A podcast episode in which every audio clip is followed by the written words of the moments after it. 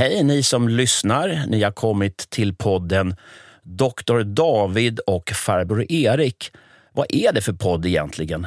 David Eberhardt, vän och expert på väldigt mycket. Ja, i alla fall något.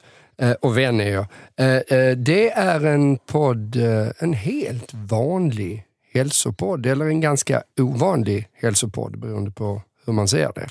Eh, så, vi tar upp väldigt eh, breda ämnen. Eh, om, jag är ju då psykiater och beroendeläkare så det är rätt naturligt att vi tar upp ämnen kring psyke, eh, psykologi eh, eh, och så här, mental hälsa. Men eh, sen har ju jag varit programledare för en annan hälsopodd under många år och du är ju Erik, vem är du? För du är ju en person som, nu svarar jag själv på vem du är, men, men du är ju en person som, som eh, också har eh, engagerat dig jättemycket i hälsofrågor med kroppshälsa och, och, och dylikt. Så att det är väldigt öppet. Och sen är vi ju tyckare också, så att hälsa kan ju till och med tangera över i samhällsfrågor emellanåt. Ja, ibland tassar vi in på markerna samhälleligt välmående. Eller så att säga, Samhället kan ju så att säga, ligga, eh, drabbas av psykisk ohälsa. Och den här podden har jag är... ju skrivit böcker om. Ja. Eh, Där jag ställt diagnos på landet faktiskt- Sverige ja. ett, ett flertal gånger. Trygghetsnarkomanerna hette det. Min första Ja, bok så- hette ju så. Ehm, Men den här podden då, den är producerad av nyhetsmagasinet Fokus, vill jag säga. Och det är också så att ni som lyssnar kan ställa frågor till dig, Dr. David, och faktiskt också till mig. Erik Hörstadius Ja. heter du ja. Ja, just det. Det stämmer. Just det. Eh, och då eh, mejlar man till adressen Då mejlar man adressen drdavid fokus.se med drdavid.fokus.se. Det är ju strålande. En otroligt tung fråga kommer att adresseras lite senare i programmet. Eh, hur pratar man med en äldre anhörig som visar tecken på, på demens eller Alzheimer? Det är, alltså, det, det, det är alltså en mardrömsfråga egentligen. Men innan vi kommer dit så har jag en fundering kring en krönika du har skrivit i just Fokus. Där vi, vi är båda skribenter i tidningen Fokus och som, som sagt producerar den här podden.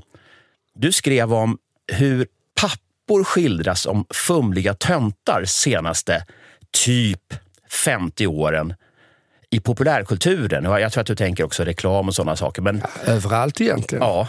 Och om du först bara liksom ger bilden av hur pappor eller liksom typ medelålders män ja, ja, skildras. Eh, Nej, men de är, de är eh, klantiga, gör bort sig eh, och eh, tror själv att de är jättebra. Eh, lite, lite narcissister som, som klantar till det för eh, alla andra och sig själva huvudsakligen. Och, och det där har ju, som jag skriver i krönikan, det kommer ju första som jag minns, det kanske är Eh, Det, det är säkert beskrivit sådana papper även tidigare i, i världshistorien, även om jag tror det var väldigt ovanligt. Och det var ju väldigt unikt när eh, det här Saltkråkan, tv-serien, kom med farbror Melker. Som ju då både är, vad är han, både morfar och pappa och så här. Men han är ju superklantig. Eh, och ändå likable. Men den, den eh, bilden var ju vid tillfälle inte gängse bild av hur män porträtterades och därmed, som jag också skriver i krönikan, så är det ju eh, det blir lite kul att det är så himla oväntat, men nu är ju det här standard. Det skulle ju vara väldigt kul att se en pappa som inte var porträtterad så, för det är ju, det är ju verkligen regel att pappor är porträtterade så. sen, precis sen 40-50 år, år, eh, 40-50 år tillbaka. Eh, och hur var mansbilden före det, skulle du säga? Nej, men det här speglar ju någonstans eh, mans, jag vet inte om det är mansidealet, för det här är ju ett sätt att driva med män. Men det speglar ju någonting i samhällsutvecklingen som eh, skett där, där det fulaste medialt en man kan vara är att vara en traditionell, lite, eh, ska vi säga, on top of the world-man. Det var ju så att alltså de män som var unga under andra världskriget kom att i USA kallas, alltså den generationen, the greatest generation. Sen kom boomers. Vi har pratat i podden tidigare om det här med liksom olika, hur man kallar, etiketterar olika generationer. Så. Men de männen kom ju hem, bildade familjer, de var the breadwinner i familjen. Eh, frun var kanske hemmafru och sådär. Det fanns liksom tydliga könsroller. Och sen så kommer då 60-talet och man ska eh, ifrågasätta allting. Alltså, och då ska man riva ner auktoriteter, även mansrollen. Då. Så, så, att den här, och både du och jag gillar väl att man så att säga if, rev ner de här statyerna. Inte för att det var fel på The Greatest Generation, men man ska kunna ifrågasätta gamla modeller. Så det är vi för. Så därför tyckte du att farbror Melker i Saltkråkan. Det var uppfriskande. Han är, han är underbar. Ja. Eh, men det är ju också, det, det, är ju för att han är normbrytande ja. som han är underbar. Och det finns ju då, som jag uppfattar din krönika, du, tyck, du, är, du är så att säga, lite trött på att män, pappor, alltid numera skildras som på något sätt töntar. Och, ja, men idioter. Ja. Är de inte töntar så är de ju fullkomliga idioter. Ja, och man får nästan vara glad när man är tönt eller idiot som man i skildringarna i populärkulturen. För att det som, alternativet är att vara skildrad som ond psykopat, exakt, exakt. våldsverkare, våldtäktsman. Mm. Så, så att det mm. finns liksom två man. Du vet, du vet mm. någorlunda snäll tönt eller så är det en kallblodig, eh, vidrig kvinnohatare. Liksom. Mm. Ja, ja, men det är de två alternativen ja. du har att välja på. Och då väljer jag, och det var ju också det som eh, kontentan eh, i den här krönikan var ju, var ju att eh, för första gången på mycket länge så fan, jag, jag satt och tittade på den här Sune vs Sune och ja. pappa Rudolf i Sune eh, filmerna och böckerna för den delen. Hans enda existensberättigande är att han är en riktig klantskalle och, och tönt och lite... Så, förlåt, såg du filmen med, med typ dina barn? Ja, eller? Ja, ja. ja. jag såg den med mina barn. Ja. Men det var första gången på väldigt länge som jag faktiskt inte satt och, och fick sån här skämskudde. När jag, det där är ju generellt alltså jag för bara, mig. Jag tog förklara för de som inte har läst krönikan. du gillar inte, du har inte gillat riktigt hur man frossar i töntifiering av mannen. Men när du såg den här filmen, då hade det hänt några grejer i ditt liv som gjorde att du, du kände igen dig oroväckande mycket. och, det, och, och, du får nästan berätta några, någon incident från alltså, ja. när, när du var så här klantig. Liksom. Nej, nej, grej, precis. Jag, jag, tänkte att eh, den här pappa Rudolf, han var inte lika klantig som han brukar vara då i den här filmen, eh, utan Sune stod för de mesta klanterierna själv.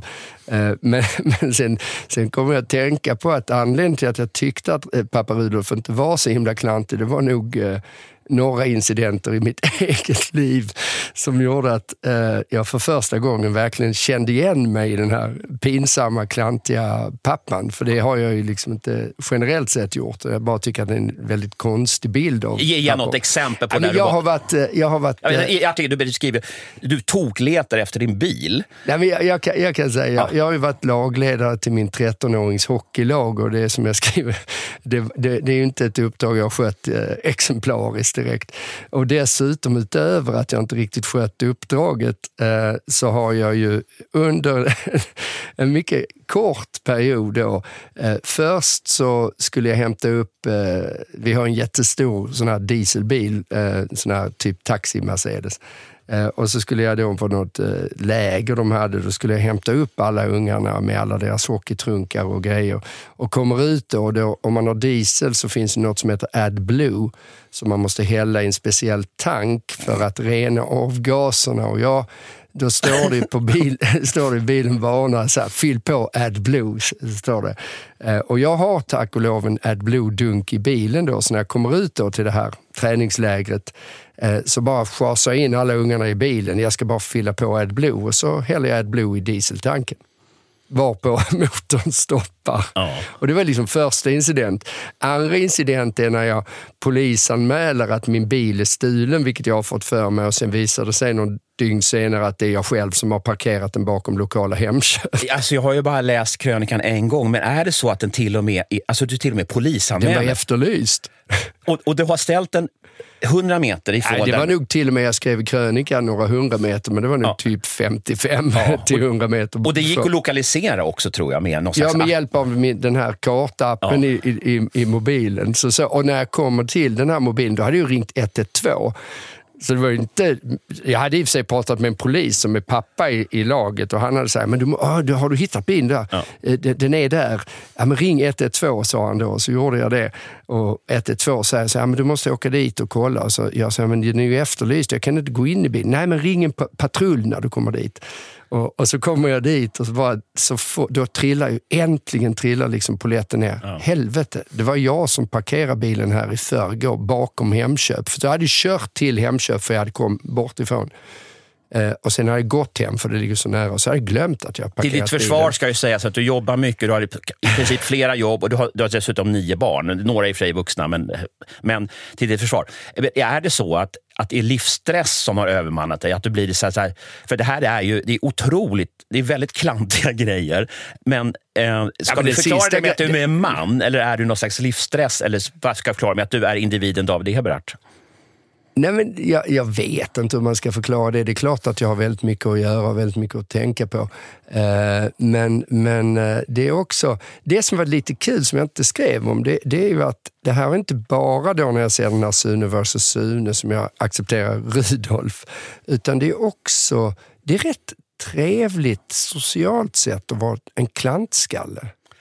Alltså, Berätta mer. Nej, men, eh, ett av mina problem, eh, kanske både medialt men även, även eh, kanske framförallt medialt men, men även eh, privat, är att jag uppfattas stundtals som rätt så arrogant och lite, kanske till och med lite narcissistisk. Och, Lite hård nästan, hård tror jag. Och, och, och, och kall. Hår, hårlös och hård. Hårlös och hård, ja.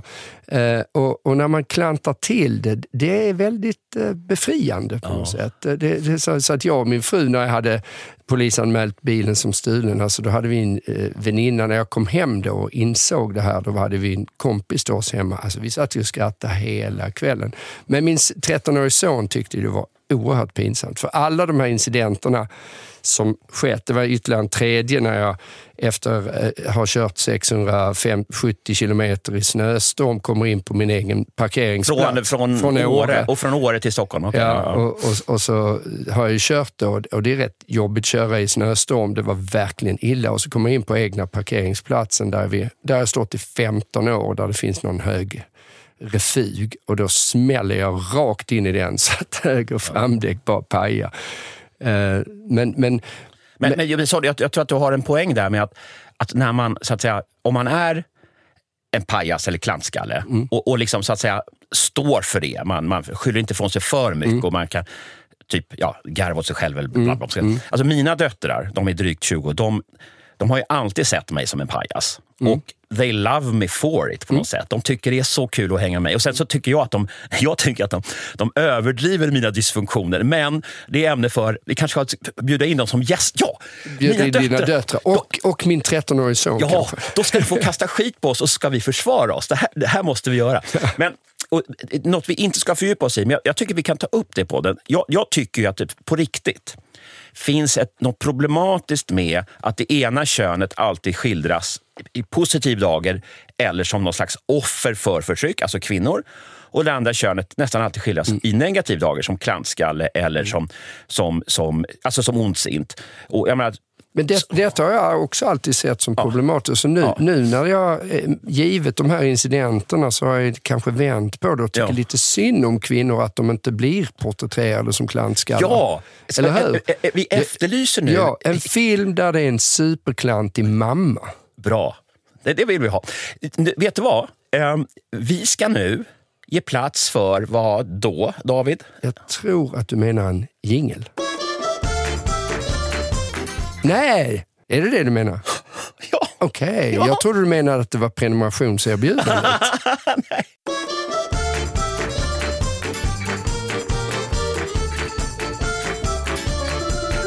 Nej. Um, så här, vi har ju fnissat igenom, oss igenom lite grann första ämnet. Även om vi tycker att det är viktigt. Ja. Könen ska, det är också för kvinnor, ska alltså beskrivas det, korrekt. Det är väl bra men nu, ska, men nu ska vi till, nu ska vi till något annat. Som jag, det, här, det här tycker jag är bland de jobbigaste frågor vi har fått faktiskt. Det är Ulrika som skriver till oss och frågar så här. Min mamma har alltid varit en otroligt skarp yrkeskvinna. Tyvärr änka efter min styvfar sedan år tillbaka. Men hon har ändå haft ett superaktivt och kul pensionärsliv efter det. Hon är 77 år gammal, jättepigg fysiskt. Men tyvärr har jag och brorsan på sistone märkt att mamma... Sen är det långa beskrivningar av...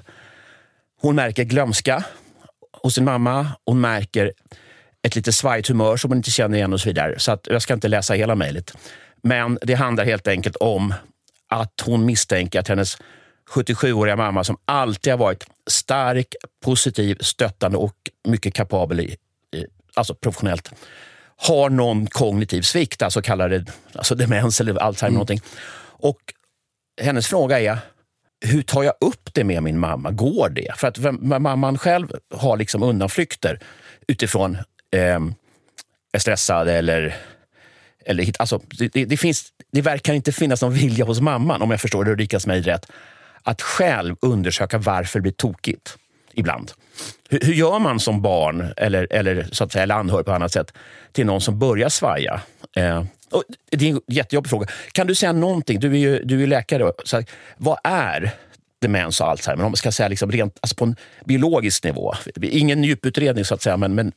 Ja, men det, det finns ju lite olika typer av demens varav Alzheimer är ju en kanske den vanligaste. Det, det, är väl de två vanligaste typerna av demens är Alzheimers sjukdom som då är, man vet ju inte eh, jättemycket och det eh, men, men det, det, man får ju en del, kan man kalla det lite felaktigt, någon slags eh, plack och sen så ser man eh, förändringar i, om man gör en datortomografi eller en magnetkameraundersökning som av bild av hjärnan så kan man se rätt så typiska eh, förändringar i hjärnan på typiska platser. Då. Jag ska säga en parentetiskt här. Vi har ju pratat om ADHD bland annat och annat neuropsykiatriskt problematiskt i podden. Och det är ju, eh, det är ju psykiat- äh, psykiska sym, sym, alltså problem så att säga, som inte syns i hjärnan om man tittar Nej. på den. Men de, här syns. de syns. Mm, de syns. Man kan se på olika områden i hjärnan att det här ja, är påverkat. Ja, det man kan se är, är substansförändringar i, ja. i, i, uh, storhjärnan till exempel. Ja. På vissa typiska platser. Och det är väl den vanligaste typen av demens. Sen finns det ju lite andra, eller en annan vanlig är eh, demens till följd av eh, småproppar i hjärnan som man kallar det för i alla fall för multiinfarktdemens. Ja. Och den kan ju te sig lite hur som helst beroende på var man får de där små propparna. Och sen finns det en special, eh, en inte helt ovanlig som kallas för frontallobsdemens och då ser man också substansförändringar i hjärnan men frontalt och den alltså främre delen av pannloben då. Eh, eller, och, och, och den, där är ju de kognitiva funktioner vi har liksom och väldigt mycket kring hur man ska, och, eh, ska bete sig och förväntas bete sig. Så en, en klassisk frontallobsdemens den eh, kännetecknas väldigt tydligt av att man blir rätt... Eh, eh, man, man beter sig illa helt enkelt. Ja. Och, men det gör man inte med nödvändighet i början vid Alzheimer. Då. För, för, för att jag, jag har, min mormor är bortgången sedan länge, men hon drabbades i relativt ung ålder, eller han var väl 65-årsåldern, av Alzheimer. Och det, det, var verkligen, det var verkligen fruktansvärt att se hur den här alltså intelligenta och härliga kvinnan blev...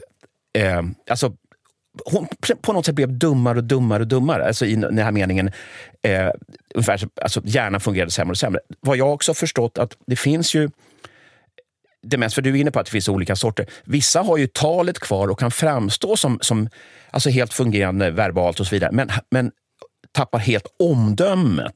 Ja, och får van, van, vanföreställningar ja, här... kring olika konspirationsteorier och sådana saker. Mm.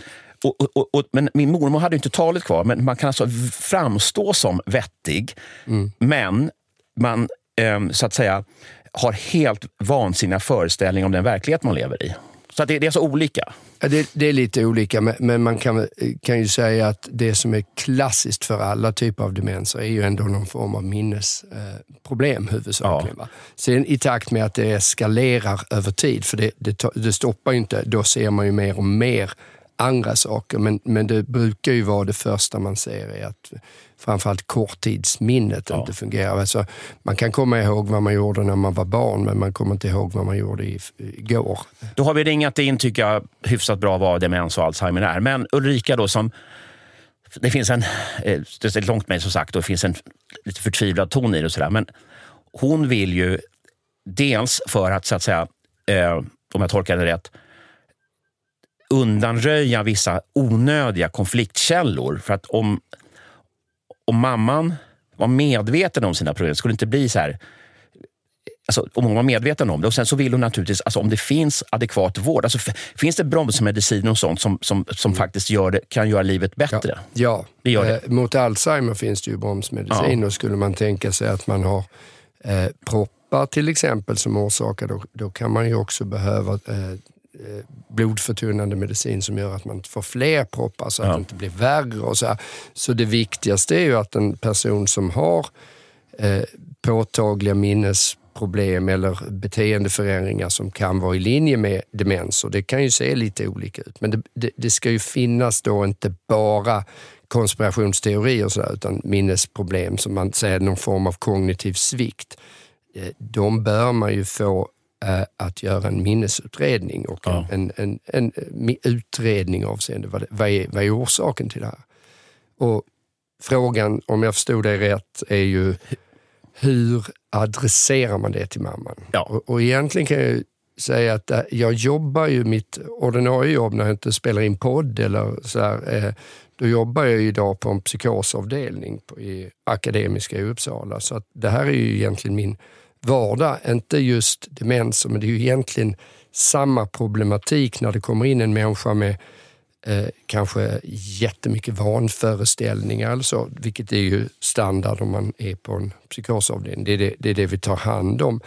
Och, och, min erfarenhet, det finns ju inget rätt och fel svar, men min erfarenhet av att prata med både eh, misstänkt demens men även då eh, olika typer av psykoser är att man utan, utan någon form av emotionalitet, utan ganska eh, avskalat Eh, tar upp de problem som den här personen har och hur jag som doktor då, eller i hennes fall som dotter, upplever det här eh, och så att säga får bort eh, allt ja, jag emotionellt. En, ja, jag fick en tanke kring det.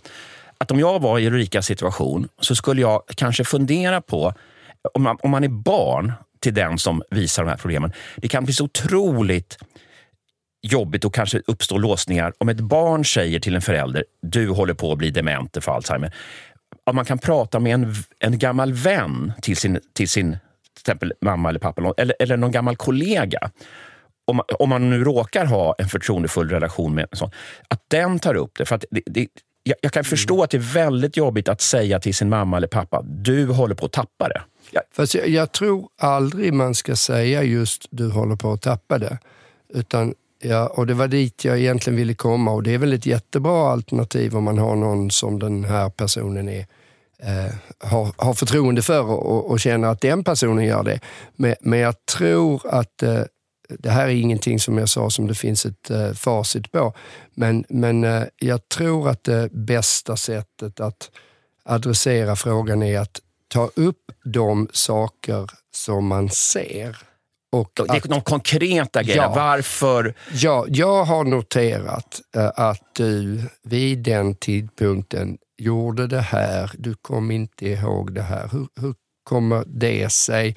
Och jag blir som dotter orolig när jag ser det här hos min mamma som jag alltid hållit och hyllat högt och som har en intellektuell skärpa. Eh, och jag är tycker att vi borde utreda det här istället för eh, så här, alltså, börjar man säga jag tror du har blivit dement, det, det tror jag då, då kommer ju alla eh, försvarsmekanismer hos den här personen och bara eh, taggarna ut. Ta upp, så att säga, ta upp det, eh, men gör, sikta in det på konkreta eh, mm. så att säga, missförstånd och händelser och mm. inte någon slags allmän. Ehm, det är så här, David, jag tycker att du har svarat jättebra på det här. Hoppas Ulrika nöjd med svaret. Jag tittar på klockan och känner att vi har ju liksom någon liten deal med, med Fokus som producerar här. Och jag ska strax eh, säga någonting om prenumerationserbjudanden och sånt, men vi tar väl lite jingel först.